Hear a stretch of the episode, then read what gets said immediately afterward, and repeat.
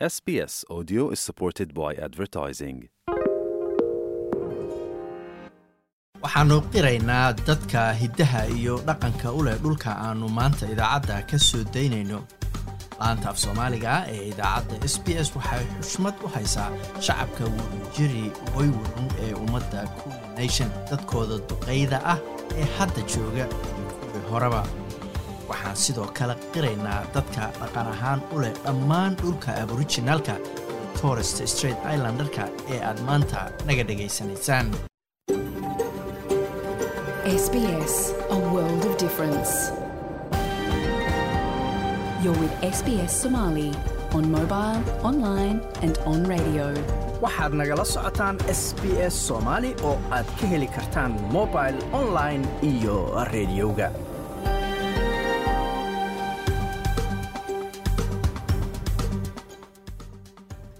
habeen wanaagsan dhammaantiinba meel kastoo aad naga dhegaysanaysaan waa habeen arbacaa bisha abriilna ay tahay lix sanadka labada kun iyo labaiyo labaatanka. Halkaad nagala socotaanna waa laanta af soomaaliga ee idaacadda s b s oo si toosa idinkaga imanaysa stuudioga aanu ku leenahay magaalada melbourne ramadaan kariim ayaannu idin leenahay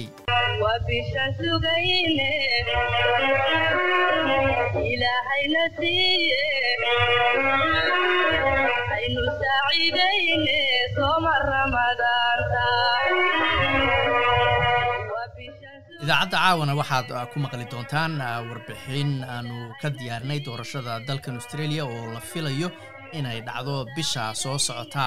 Haddaba wakhtigee baa la qabanayaa yaase ku guulaysan kara warbixintaas ayaad maqli doontaan. Sidoo kale waxaad uh, maqli doontaan warbixintii uu noo soo diray wariyahayaga magaalada muqdisho oo ku aadan khilaafyadii u dambeeyey ee doorashada uh, ka socota dalka soomaaliya. Marka horese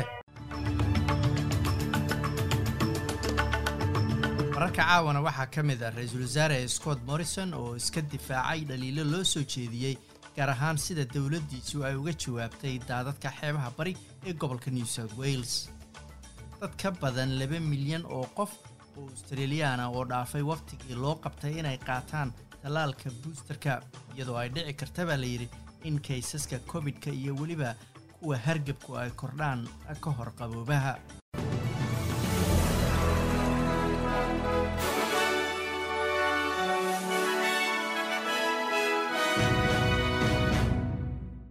dadka degan xeebaha gobolka new south wales ayaa loogu digay inay isu diyaariyaan roobab mahiigaana iyo daadad la filayo inay ka da'aan gobolka. Gobolka new south wales oo haddaba ku guda jira nadiifinta dhibkii ay geysteen roobabkii hore ee da'ay bilihii u dambeeyey iyadoo gobolka ay daadad ku dhibaateeyeen wixii ka dambeeyey bishii febraayo.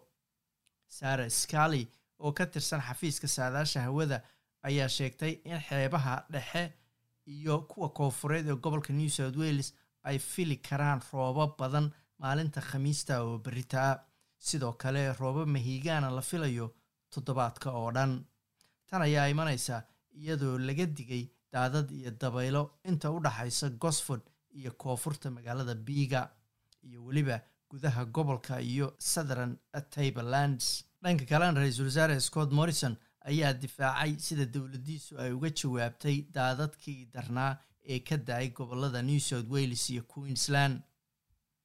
Ra'iisul wasaaraha ayaa waxba kama jiraan ku tilmaamay fikradda ah in dowladda laga rabay inay taageero dheeraada siisa queensland iyadoo doorashadu ay soo dhowdahay wuxuuna ra'iisul wasaaruhu ka xumaaday waxa uu ku tilmaamay in masiibadii dabiiciga ahayd la siyaasadaynayo. Gobolka new south walesna mr morrison ayaa sheegay inay ku bixiyeen laba dhibic hal bilyan oo doolar oo dadkii ay daadadku waxyeeleeyeen lagu caawinayo iyadoo hal bilyan oo lacagtaas ka mid ah horeba loo bixiyey ama dadkii u baahnaa la siiyey halka uu queensland u ballanqaaday saddex boqol iyo toddobaatan milyan oo doolar wuxuu intaa ku daray ra'iisul wasaaruhu inuusan jeclayn dhaliilaha uga imanaya dowlad goboleedyada aan bixin qarash la mid ah kan dowladda federaalka ah oo ay ku bixisay daadadka So when state governments have, have spent as much as we have, on supporting flood victims, then I think they can be critical. Marka dowlad goboleedyadu ay bixiyaan lacag la mida ama here in la-eg South tan Wales. I aanu bixinay hana dhaliileen. laakiin iyagoo aan weli lacag bixin annaguna balaayiin doolar aan ku bixinay new south wales taas ayaa idinka filan ayuu yidhi waxbaanu ka qabanay waxbaana ka qabanaynaa waxyaalaha mas'uuliyaddu naga saaran tahay ayuu yidhi. dowlad goboleedyaduna waxaa ka qabteen qaybta ay mas'uulka ka yihiin. codsiyada ay barnaamijyadan ku sameeyeen maamul goboleedyadu waa kuwo ka baxsan buu yidhi nidaamka caadiga ah ee looga jawaabo daadadka.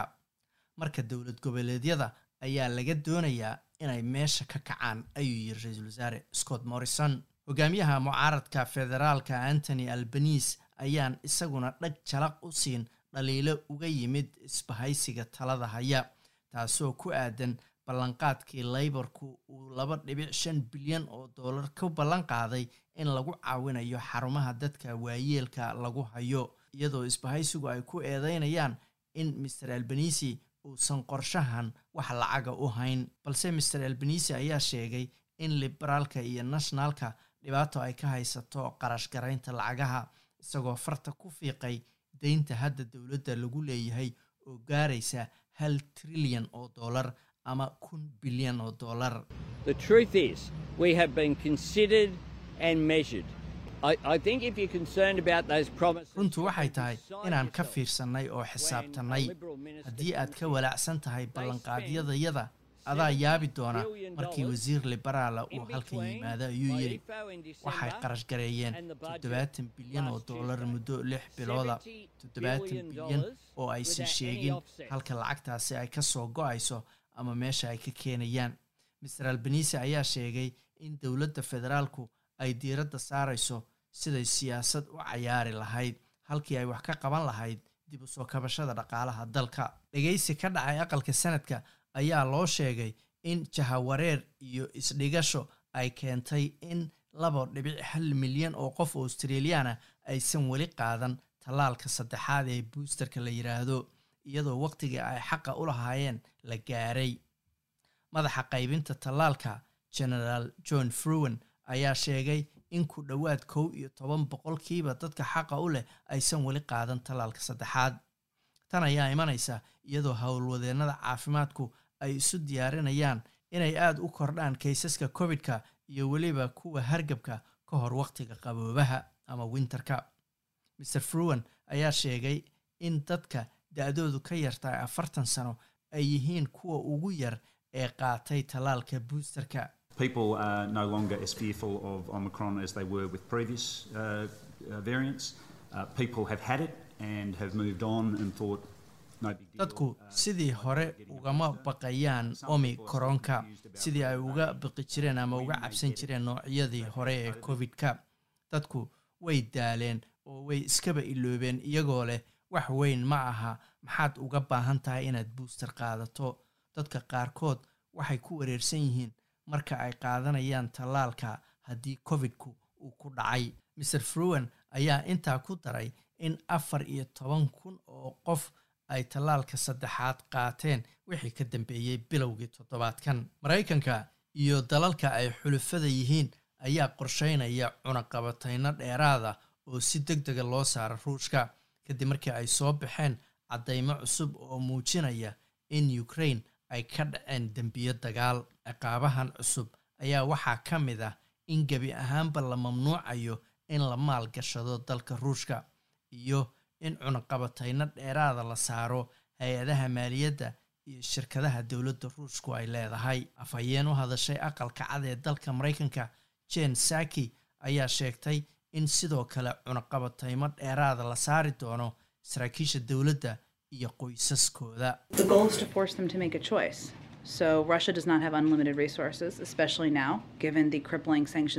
Ujeeddadu waa in lagu qasbo inay kala doorasho sameeyaan. ruushku ma haysto hanti aan dhammaanayn gaar ahaan hadda oo la saaray cunaqabatayn curyaaminaysa waxay ku qasbanaanayaan inay kala doortaan inay dhammaato xoogaaga kaydka doolarka ee u haray ama daqli kala soo galo ama deymahaba ay iska bixin waayaan ayay tiri miss saki dhanka kalena madaxweynaha dalka ukraine volodimir zelenski ayaa sheegay inay tahay in golaha ammaanka qaramada midoobay laga saaro ruushka maadaama buu yidhi uu yahay dal gardarro dal kale ugu duulay. Amaba haddii taas la samayn waayo ayuu yidhi in golaha ammaanka oo dhan gebi ahaanba la baabi'iyo master zelenski ayaa faahfaahiyey muuqaalo naxdin leh oo meydad hal meel lagu aasay dad jirkooda oo googo-ay meelo laga helay qaar qoorta laga jaray iyo haween caruurtooda hortooda lagu kufsaday wuxuu sidoo kale sheegay in ciidanka ruushku ay dadka rayidka u laynayeen oo keliya inay dilkooda kuwa raaxaystaan. Ruushka ayaa dafiray eedahaas isagoo sheegay inay yihiin muuqaalo iyo sawiro been abuura laakiin madaxweynaha ukraine ayaa sheegay inay hayaan caddaymo aan shaki ku jirin There are satellite images. We can conduct full and transparent investigations. That is what we are interested in. Maximum. waxaa jira sawiro satellite lagu qaaday waxaan samaynaynaa baaritaan buuxa oo waaxid ah taas ayaan rabnaa suxufiyiinta oo dhan ayaanu u soo bandhigaynaa urur walba urur walba waanu la shaqaynaynaa oo uu ku jiro ay ku jirto maxkamadda dembiyada caalamiga. Waxaan doonaynaa isla xisaabtan buuxa oo saxa waana hubaa in dal walba oo qaramada midoobay ka tirsan uu sidaasii doonayo. Warbixin baarlamaan ayaa lagu ogaaday in darawallada baaysikiilada ku qaada cuntooyinka iyo kuwa kale ee gawaarida ku shaqeeya ee dadka qaada sida uberka oo kale ee u shaqeeya shirkadaha waaweyn ay tahay in xuquuqdooda shaqo ay difaacdo dowladda gobolka new south wales.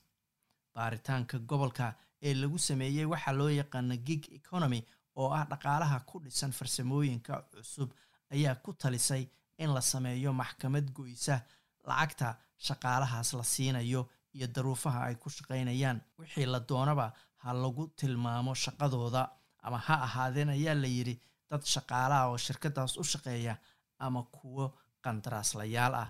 Sharciga shaqaalaha ee hadda australia ka jira haddii aad tahay qandaraasle madax bannaan xaq uma lihid mushaarka aan laga hoos mari karin ee minimum wejka loo yaqaano iyo fasaxyada loo qaato markaad xanuunsan tahay ama midka sanadlaha ee la yidhaahdo sickliifka ama annual liifka saadaasha hawada berito oo khamiisa magaalada melbourne waa qayb ahaan daruur iyo labaatan iyo afar digrii magaalada sydneyna roobab ayaa la filayaa.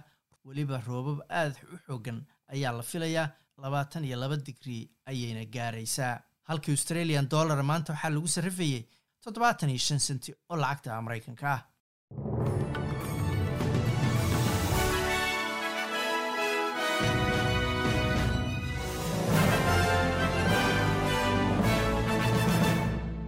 halkaad weli nagala socotaan waa laanta af soomaaliga ee idaacadda s b s oo si toos idinkaga imaneysa stuudioga aanu ku leenahay magaalada. Melbourne weli waxaa noo soo socdaa waraysiyo iyo warbixino kala duwan. Marka horese dalkan australia waxaad moodaaba in ololihii doorashadu uu weli ka bilowday. Inkastoo dhammaadka asbuucan ugu dambeyn la filayo in ra'iisul wasaare scott morrison uu ku dhawaaqo maalinta doorashada qaran ee dowladda federaalka la qaban doono iyadoo maalinta u dambeysa la filaya inay noqoto labaatan iyo kowda bisha may. Haddaba warbixin ku aadan arrimaha doorashada ee la filayo in dhowaan lagu dhawaaqo waatan ra'iisul wasaare scott morrison ayaa la filayaa inuu si dhaqsaa ugu dhawaaqo maalinta la qaban doono doorashada guud ee dalkan australia inkastoo aysan ka dambeyn karin labaatan iyo kowda bisha may. Cod aruurino la sameeyey ayaa muujinaya in laybarku hogaaminayo laakiin khubrada falanqeeya doorashada ayaa sheegay inay adag tahay in la sii saadaaliyo cidda guulaysanaysa habeenka doorashada. Taariikhda la qabanayo doorashada qaran ayaan weli lagu dhawaaqin laakiin waa in la qabto maalmaha kale ah toddobada bisha may afar iyo tobanka may ama ugu dambeynta kow iyo labaatanka may. Saddexdaas maalmoodba waxay ku aadan yihiin maalin sabti a sida lagu qoray joornaalka the australian cod aruurinihii u dambeeyey ee ay samaysay shirkadda newsball oo la daabacay afartii bishan abriil laybarka ayaa isbahaysiga ku hogaaminaya konton iyo shan boqolkiiba iyo afartan iyo lix boqolkiiba. Marka dadka la weydiiyey labada xisbi kay door bidayaan. Su'aasha ah midka ra'iisul wasaare ku fiicnaan lahaa labada hogaamiye ayaa garba siman noqday. Oo ra'iisul wasaare scott morrison waxa uu hal boynti ka horreeyey antony albanisi oo ra'iisul wasaaruhu helay afartan iyo saddex boqolkiiba halka albanisina uu helay afartan iyo labo boqolkiiba codadkii la qaaday. Laakiin maxay ka sheegeen cod aruurinadu xisbiga guulaysan doona doorashada? Hayden manning oo ah brofesor culunta siyaasadda ka dhiga jaamacadda flinders ayaa sheegay in cod aruurintii muujinayso in laybarku guulaysan lahaa haddii hadda doorasho la qaban lahaa. Laakiin wuxuu intaa ku daray in sheekadu aysan intaas ku dhammayn.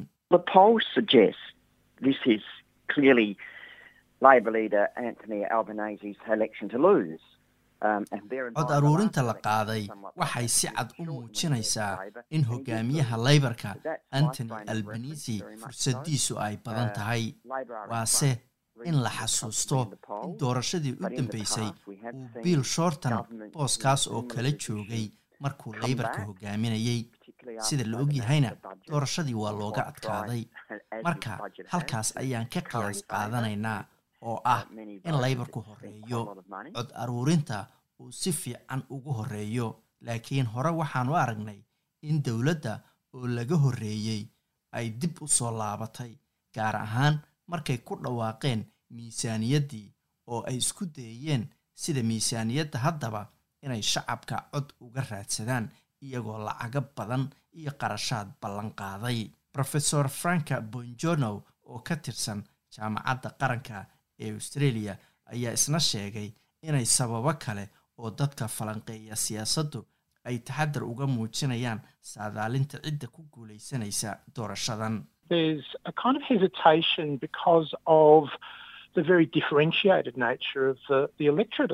waxaa jira taxadar dheeraada ama inay ka gabanayaan inay sii saadaaliyaan sababtoo ah codbixiyaasha farqi weyn ayaa u dhexeeya hadda si ahaan dowladdu guud ahaan lama jecla laybarkuna wuu soo kacayaa xaaladduse way kala duwan tahay gobollada dalka laybarku waa uu kaga hooseeyaa isbahaysiga gobolka queensland. Marka labada xisbi laysu eego waana muhiim taasi sababtoo ah xilligan hadda la joogo xisbiga laybarku wuxuu haystaa oo keliya shan meelood meel kuraasta gobolka queensland. Maadaama ay queensland soddon kursi ku leedahay boqol iyo konton iyo kowga kursi ee aqalka wakiilada ama aqalka hoose maer bonjorno ayaa sheegay in laybarku u baahan yahay inay horumar weyn ka sameeyaan gobolkaasi si aqlabiyad ay u helaan. Marka laga hadlayo cidda ra'iisul wasaare ku fiicnaan lahayd dor glenn kerford oo culunta siyaasadda ka dhiga jaamacadda queensland ayaa sheegay in awal cod aruurinta cidda ra'iisul wasaaraha ku fiican uu ku horreyn jiray hogaamiyaha markaas talada haya. Laakiin hadda xaaladdu sidaas ay ka duwan tahay interesting and big development. And I think a lot of that comes back to the issues we've talked about around.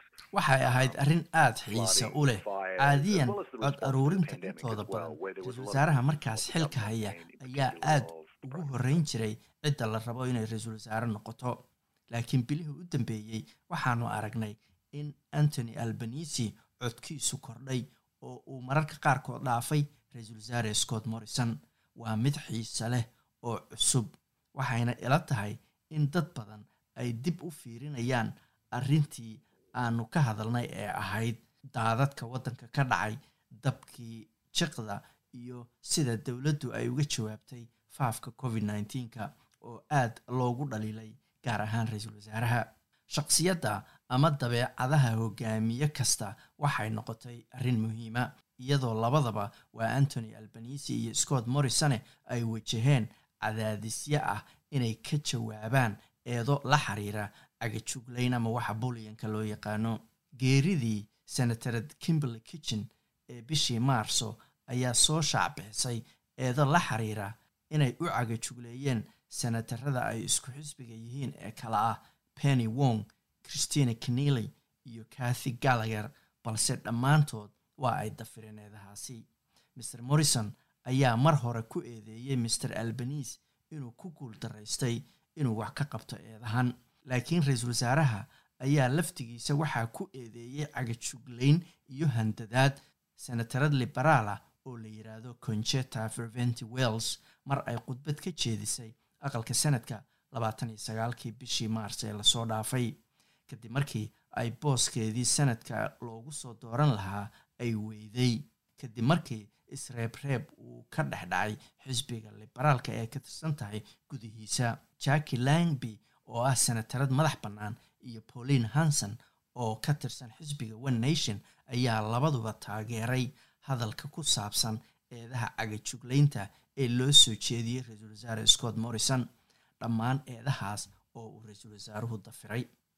Dhowaanna ra'iisul wasaaraha ayaa dafiray eeda ah inuu hadallo gaf ah ka sheegay nin ay isku hayeen isreereebkii doorashadii labadii kun iyo toddobadii ee xisbiga liberaalka ee kursiga cook oo ah kursiga laga soo doorto ra'iisul wasaare scott morrison.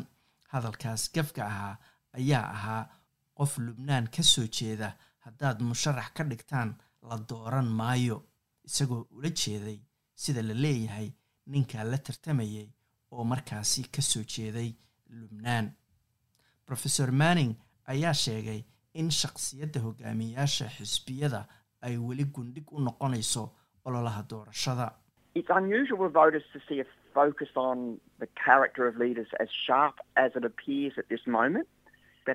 waa arrin runtii khayru caadi u ah codbixiyaasha inay arkaan in diiradda lagu hayo shaqsiyadda hogaamiyayaasha sida hadda jirta.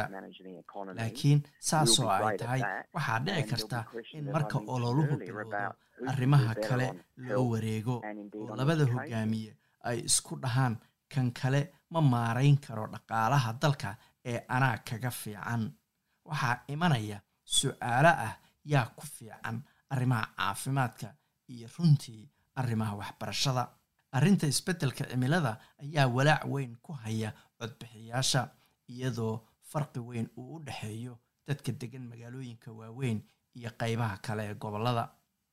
Maer manning ayaa sheegay inuu filayo ololo ballaaran oo ay xubno madax bannaani ka wadaan kuraas ay haystaan liberaalku hadda halkaa oo isbeddelka cimiladu u noqon doono arrinta koowaad ee diiradda lagu saaro. Dad aada u badan ayaa hore u codaynaya iyagoo isticmaalaya noocyo kala duwan sida in boostada ay hore ugu sii codeeyaan dadkaas oo u badan kuwa waayeelka iyo codbixiyaasha muxaafidka ah. Codadka hore loo bixiyo ayaa saameyn ku leh sida waqti hore ay xisbiyadu u soo bandhigaan siyaasadahooda waaweyn. Waxay kaloo adkeyn kartaa tirinta codadka habeenka doorashada iyo in lagu dhawaaqo natiijada. Dor keford ayaa sheegay in doorashadii hore ee federaalka australia ay ahayd mid aada la isugu dhowaa. Taageerada dheeraadka ah ee loo hayo musharaxiinta madax bannaana ay wax ka beddelayso nidaamka siyaasadda dalka mana aha oo keliya ayuu yidhi xisbiyada waaweyn. Wuxuu sheegay inay adkaan doonto sidii loo soo jiidan lahaa codbixiyaasha kadib markii britney higgins ay soo bandhigtay habdhaqanka baarlamaanka iyo dhibaatooyinkii dabka daadadka iyo faafkii covid nneteen-ka Many, many people are extremely tired of uh, uh, dad badan ayaa aada of uga daalay oo nacay uh, siyaasadda dalka hadda ka socota. um, various ma aha oo keliya wixii aanu soo marnay waxaa jira qanac la'aan guud oo ku aadan qeybaha kala duwan ee dimuqraadiyadda australia waxayna rabaan dadkaasi wax ka duwan wixii hore. Qaar ka mid a falanqeeyayaasha siyaasadda ayaa sheegay inay dhici karto in doorashadan federaalku ay ku dhammaato in xisbina uusan helin aqlabiyad uu dowlad ku dhiso. Taas ayaa macnaheedu yahay in xisbiga laybarka ama isbahaysiga liberal nationalku aysan helin kuraas ku filan oo ay ka helaan aqalka wakiilada ama aqalka hoose taasoo la mid noqonaysa wixii dhacay markii julia gillard ay noqotay ra'iisul wasaaraha dalka labadii kun iyo tobankii. Rofesor bonjorno ayaa sheegay in korarka dadka u codaynaya xisbiyada yaryar iyo musharaxiinta madaxa bannaani ay natiijadaas dhalin karaan oo ah in cidna aysan aqlabiyad helin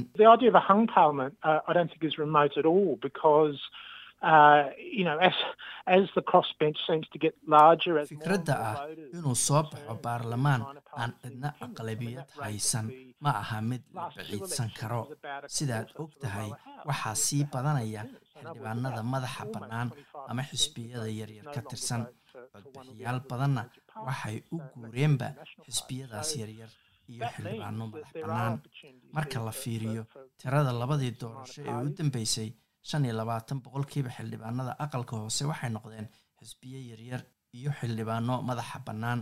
Marka runtii cid walba waa lagu matalayay.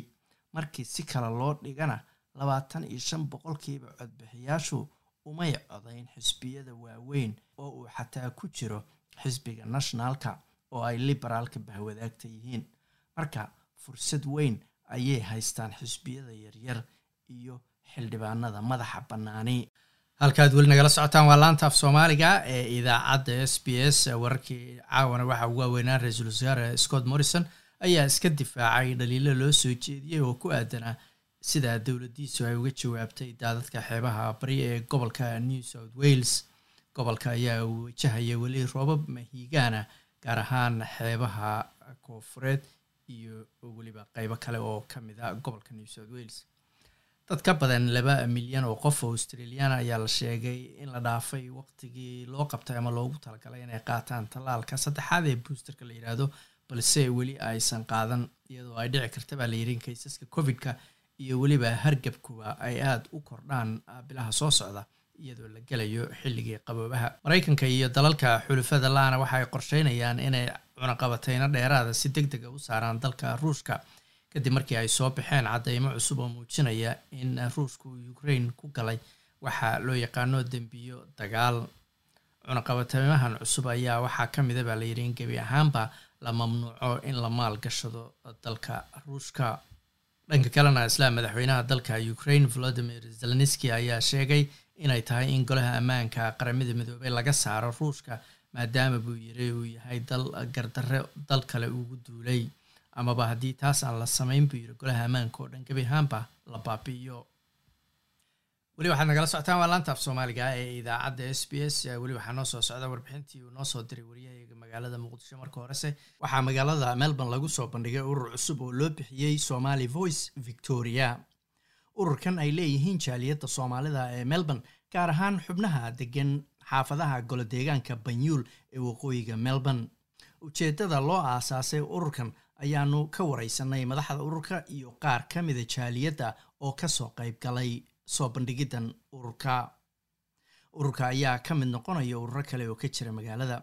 Cabdalla maxamed axmed oo loo yaqaan buule wuxuu ka mid yahay odayaasha xaafadda ee ka soo qayb galay kulankan lagu aasaasayay ururkan wuxuuna ka mid ahaa dadkii ugu horreeyey ee melbourne soo dega ee soomaaliya muddo afartan sano ka hora wuxuu ka hadlay baahida loo qabo ururkan iyo sida uu u buuxin karo baahiyahaasi. Ururka maanta lagu magacaabay somali voice of victoria ama codka soomaaliyeed ee magaalada victoria statka victoria waa urur loo baahnaa runtii wakhtigiisana yimid. Ururo badanaa soo maray tan iyo sagaashankii sagaashan iyo labadii sagaashankii waxbay soo qabteen ninba waxbuu soo qabtay maanta dhallinyaradiiyo kacday oo waxbaratay oo maaragtay u baahan hogaamin iyo shaqo loo raadiyo oo maaragtay la isku mashquuliyo.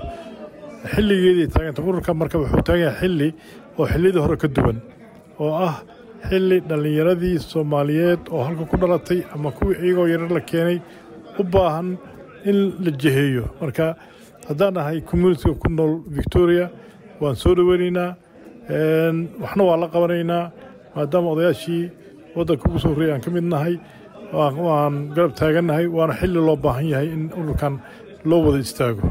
Maxaad is leedaha baahiyaha ugu waaweyn oo ururkan ay tahay in wax ka qabta waa yihiin hadda? Waxaa waaye dhallinyarada meesha ku dhalatay waa dhallinyaro soomaaliyeed waa dhallinyaro afrikaan ah waa dhallinyaro madow ah waa dhallinyaro islaan ah.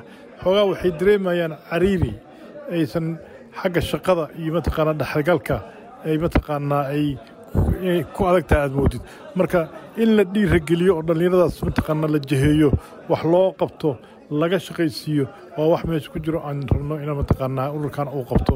Iyo isku xirnaanta communitiga meel kastay joogaan oo victoria. Xaafad badan kala degan yahay in laisdhex galo oo maarata hadda waa dhib ma jiro laakiin inuu ka sii xiriirka sida hadda uu yahay ayaa loo baahay inay qabtaan waa garta sidaa sheegtay dadkii waddanka ugu soo horreeyaad ahayd. Afartan sano ka badan baa joogtay maalinba urur cusub baa la samayn jiray. Kanu kii hore muxuu uga duwanaanaya waxa kuwii hore ay qaban waayeen oo kan uu qabanaya maxaa waay wallaahi ururka aniga ninety onkii ilaa iyo two thousandkii urur baan hogaaminayey xilliga ugu adkaayaan soo marnay waayo qaxooti badan oo soomaaliya duurka ku daadsan dibadaha oo soo aruurtoodii dejintoodii iyo yacni yacni in ay waddankii la qabsadaan ayay ahayd. Wuxuu aga duwanya kaas markaas waxay ahayd dejin iyo baahi markaas taallay ahayd. Laakiin maanta dhallinyaradii la dejiyey oo ku dhartay waddanka ayaa u baahan waxqabad u baahan. Marka dadkii soomaaliya ka yimid waxay la yimaadeen waalidiin ayay ahaayeen wax meesha ku dhalay iyo kuwa wax wataba. Waxay dhaleen in maanta wax loo qabtay u baahan yihiin. Kuwa horena wax way soo qabteenoo yani culayskii badnaayo dejintii iyo sponsaradii dadka la keenaya ayaa ku dhacay. Kuwana intaa in ka badan ayaa ku dhici doono. Marka labada dhinacba waa balance yaan dhihi kara laakiin kan jiilka maanta jira oo soomaalida oo ku dhashay meesha ayaa u baahan in wax loo qabto. Waa garta ugu dambeynta dadka soomaalida ururo lagu dhawaaqay horey u arkeen dadka weli shakiga ka qabo sida hadda laga dhawaajiyey waxbaa lagu cunayaa iyo waxba ma qabanayaan waxoo dhan waa hadal falsaxa ma noqon doonto maxaa ku qancinaysaan wallaahi ururka hadda dhismay siduu u qanciyo communitiga ayay ku xiran tahay waana rajeynaya inay qancin doonaan oo maaragtay experience wixii hore soo dhacay ay og yihiin ay goobjoog u ahaayeen inay ka leexdaan oo si mataqaanaa sax ah oo maaragtay wanaagsan ay u qabtaan. Kuwii horena runtii waxaa soo qabteen iyaga nafsadayaana laga abaaldhicine wax badan ay soo qabteen.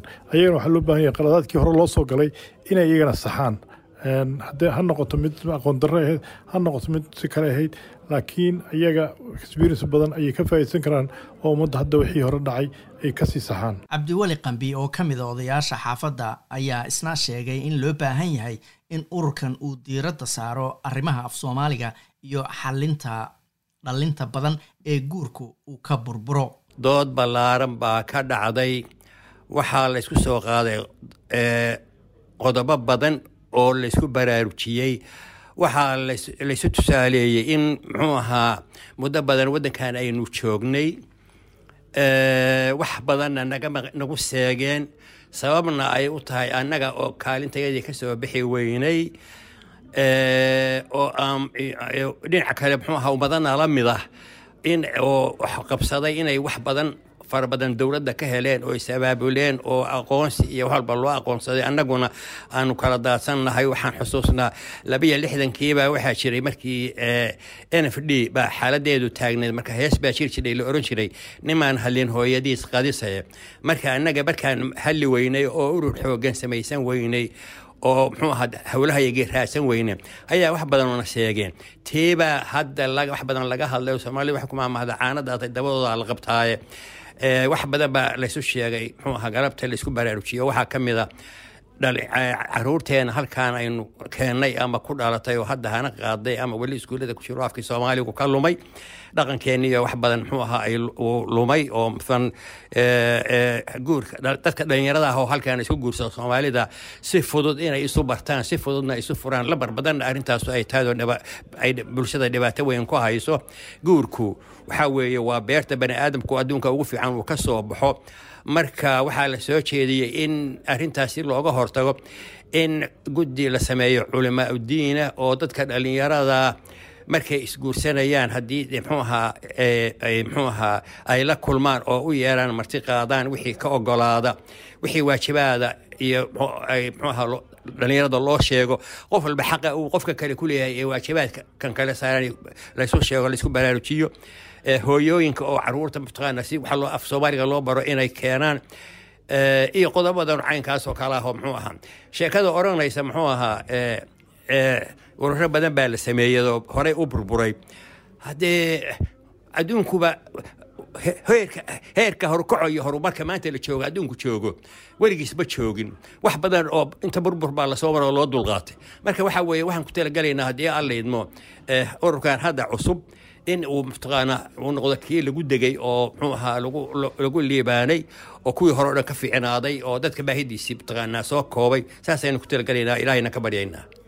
Waa garta marka adiga muhiimadda ugu weyn waxyaalaha mudnaantu waa carruurta in lagala taliyo guurka oo guurkooda uusan burburin iyo luqadda dhalinyarada in lagala arrimaha guurka in lagala taliyo carruurta af soomaaliga in la baro dadkeena wax bartay muxuu wadanka inay shaqo ka helaan shaqadii dhalinyaradu ka bixi kara wax inay helaan dadka dhibaataysan oo waayeelka ama guryuhu ku xun yihiin ama wixii la halmaalay mataqaanaa in wax laga qabto wixii dacwad keensado loo ogaado in la keensado muxuu ahaa xabsiyada ka buuxa in aan u helno fursad in loo tago muxuu ahaa muxuu ahaa la- la soo booqdo oo muxuu ahaa halkaa lagu ilaawin. Dadka kale oo muxuu ahaa laga yaabo inay muxuu ahaa ku jiraan xeryo qaxooti oo ama magaalada gudaheeda ama mee- meel xoogaa durugsan. In laga warqabo haddii leedno ama toos loogu tago ama bay telefoon lagula xiriiro iyo wixii la halmaala. Cabdulqaadir diidiile oo ka mid ahaa xubnaha kale ee jaaliyadda ee ka hadlay kulanka ayaa sheegay in guusha ururku ay ku xiran tahay sida bulshadu ay ula shaqayso runtii waxaan is leeyahay eh, ururka waan ogahay ururo badan ayaa la soo aasaasay. Dhammaantoodna waxaa laga yaabaa inay qoloba wax meel soo gaarsiisay dadku ha iska suluugsanaadeen En, haddii runtii ay dadaalaan rajaxumada in la muujiyo waa laga fiican yahay. Marka haddii ay dadaalaan dadka managementiga hayaa eh, shacabka kaashadaan shacabkuna ay la shaqeeyaan.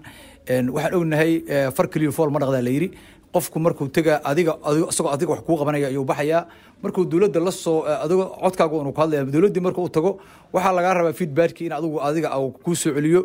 Markii uu kuu keenana waxaa lagaa rabaa inaad eh, eh, adinka laftirkiinu idinkoo wada shaqaynaya ay waxay noqdaan wax unity oo la wada leeyahay eh, asagana la kaabo keligii shaqo ma qaban karo. Waxaan is leeyahay ururkaanu haddii uu eh, shaqeeyo in uu wax badan qaban karo laakiin waxay ku xiran tahay eh, sida ayagu ay u dadaalaan iyo dadku sida ay ula shaqeeyaan adigu maxaad jeclaan lahayd mudnaanta koowaad iyo labaad iyo saddexaad inay siiyaan? Runtii mudnaanta koowaad waxaan jeclaan lahay eh, dadku inay yeeshaan eh, community-yaasha kale ee aan ahayn soomaalida inta badan. Waxaa laga yaabaa meelo property iyaga ay leeyihiin oo dowladdu siisay ayay leeyihiin. Sidaasoo kale horta inay yeeshaan eh, oo dowladdu macnaha dhul ay u iibisay horta dhulkaas la helo. Kabacdina la aas-aaso community-yaashii odayaashii oo dhaqankiiya culummadii oo dhinacii diinta ah dad aqoon-yahano ah oo waxyaabaha ah, waxaa laga yaabaa familada qaar maadaama second language luqadoodu ay tahay luqada ingiriis wax ku baranayaan habka meeshan wax lagu bartana aysan ahayn hab adag markii iskoolada. Ilmo badanaa la dhalay ilmihii badnaayoo la dhalay hooyooyinkii iyo aabayaashoodii second language ay qabaan ciyaalkii kama caawin karaan luuqadii markii financial la yidhahdana macalin inaad waqti ku filan aad u karaysaa way adag tahay. In meeshaas laftirkeeda looga aaso gruub aqoon-yahano ah oo ama soomaalidii ama maaragtay eh, dowladda laftirkeedaba eh, looga soo eh, haddii laga dhamay kara laga dhameeyo oo looga caawiyo homeworkyada laftirkooda si oo professionala arrintaas ayaan is sidoo kale dhalinyarada markii ay jaamacadii ka wada baxeen ama kii iskoolkii derajadii la rabay oo soo gaari waay oo keeni waayay yeer two alif ama yeer eleven oo derajadiisu gaabato wuxuu iska galaa teef teefki iska maada qaaraa suuqa iska gala warshada iska raadsada warshadiina isagoo meeshan ku dhashay oo luqadii yaqaana oon luqad haysin ayuu warshada wax u keenay.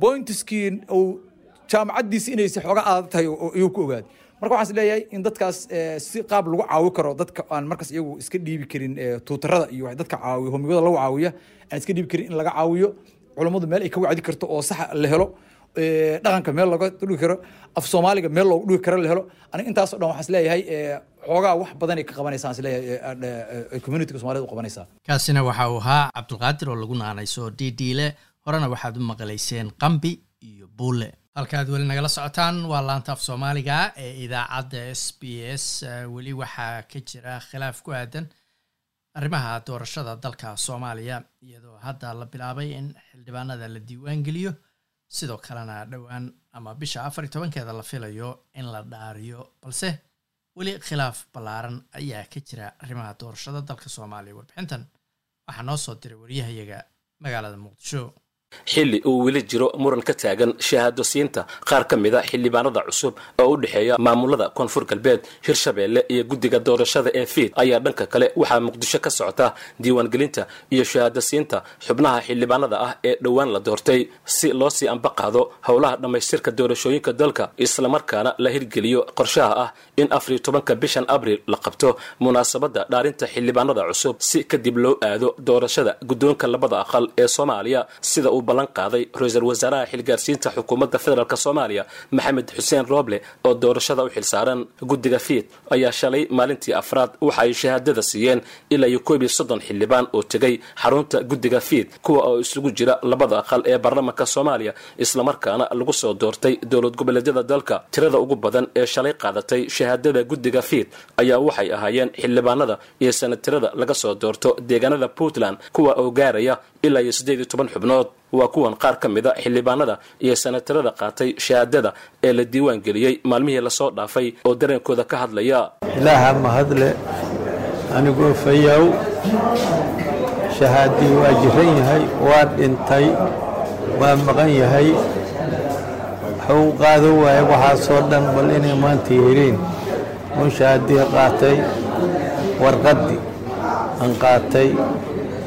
Waa ilaahay mahadiis waxaan aad u rajaynayaa dalkan haddii ku hor doorasho xur iyo xalaala inay ka dhacdo. Cid walba waa la tartamaa tartanka haddii loogu adkaado inay ogolaato wakhtigeeda hadduu dhaco inay doorasho aado inayna isku dayin. Iyadoo waxdanay haysa inay dadka isku layso. Runtii waa shaqo fiican baa socotaa sidaad aragtaan hadda waxaan qaatay shahaadadii sideed bilood ka hor baa waxaa lee doortay senator. Sideed bilood baa xaggana jirin xaggana jirin. Laakiin maanta waxaan aad ugu faraxsanahay in guddiga siid aan ka guddoomay shahaadadii senatarnimo aad baan ugu faraxsanahay. Guddiga u mahad celinaya iyo dhammaan intii ka soo shaqaysay hawshaan shaqa culus baa socota.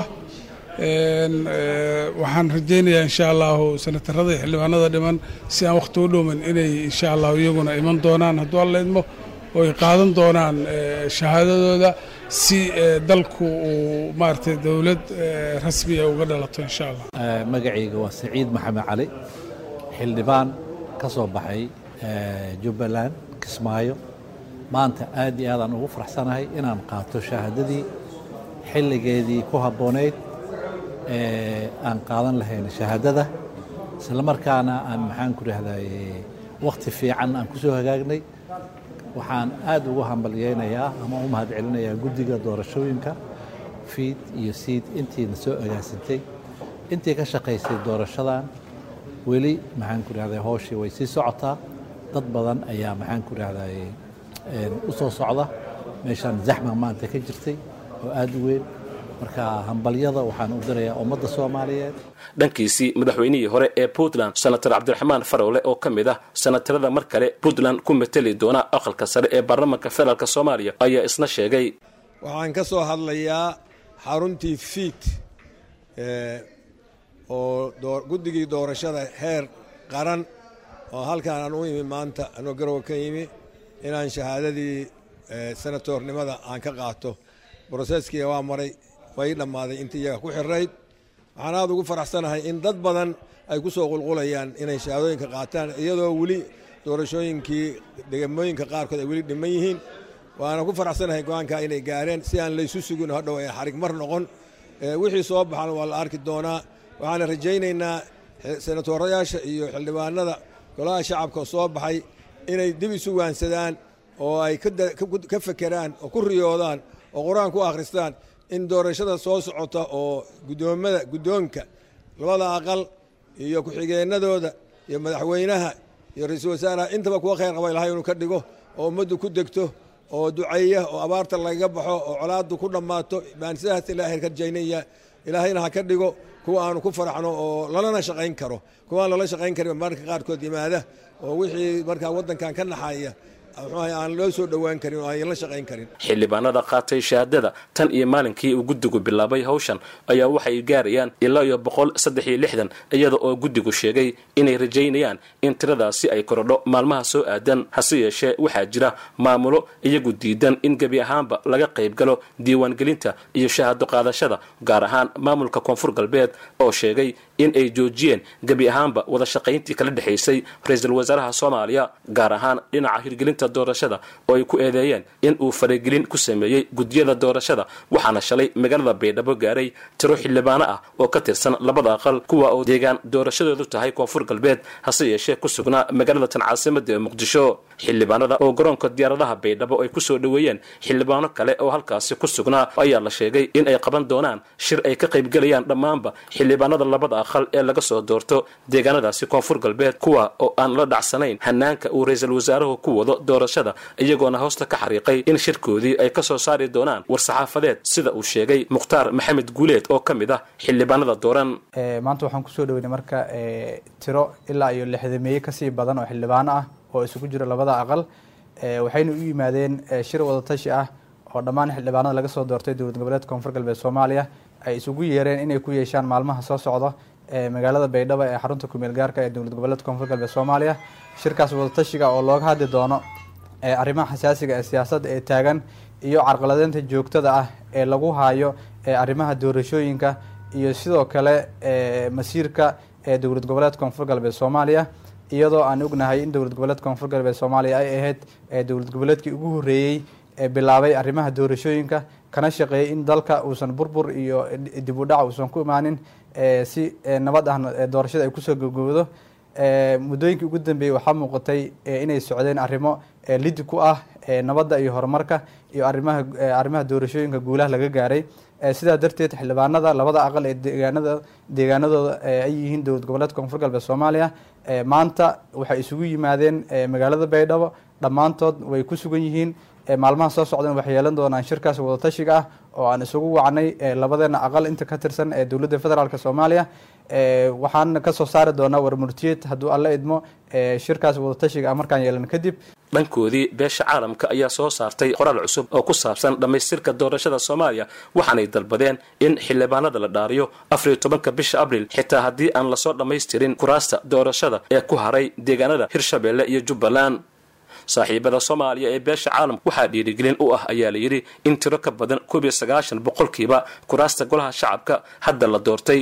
Waxaanan aaminsannahay in tani ay ka dhigan tahay dardar aan la joojin karin si loo soo dhammaystiro kuraasta harsan. Si dhaqsi leh ayaa layidhi dowlad goboleedka hirshabeelle iyo midka jubbaland oo keliya ayaana weli soo dhammaystirin geedi socodka doorashada golaha shacabka. Waxaanan ku boorinaynaa ayay yidhaahdeen in ay sidaa sameeyaan. Waxaan ku boorinaynaa in horey loogu socdo diyaargarowga dhaarinta afariy tobanka abril xitaa iyadoo socoto hawsha xalinta arrimaha kale ee taagan iyo dhammaystirka kuraasta ku harsan hirshabeelle iyo jubbaland iyada oo hadda diiradda la saarayo kulanka baarlamaanka inuu ka qabsoomo muqdisho lana doorto guddoomiyaha baarlamaanka iyo madaxweynaha qaranka. Waxaan ugu baaqaynaa madaxda siyaasadda soomaaliya inay xaqiijiyaan in geedi socodkani uu ku qotomo wadar ogol ballaaran tani waxay si gaar ah muhiim ugu tahay ayaa la yidhi go'aanada ku saabsan goobta habmaamuuska amniga iyo tallaabooyinka ka hortaga musuq maasuqa ee shirarka baarlamaanka ee la xidhiira doorashada ayaa lagu soo gebagabeeyey halkaad weli nagala socotaan waa laanta af soomaaliga ee idaacadda s b s. Wararkii caawana waxaa ugu waaweynaa ra'iisul wasaare scott morrison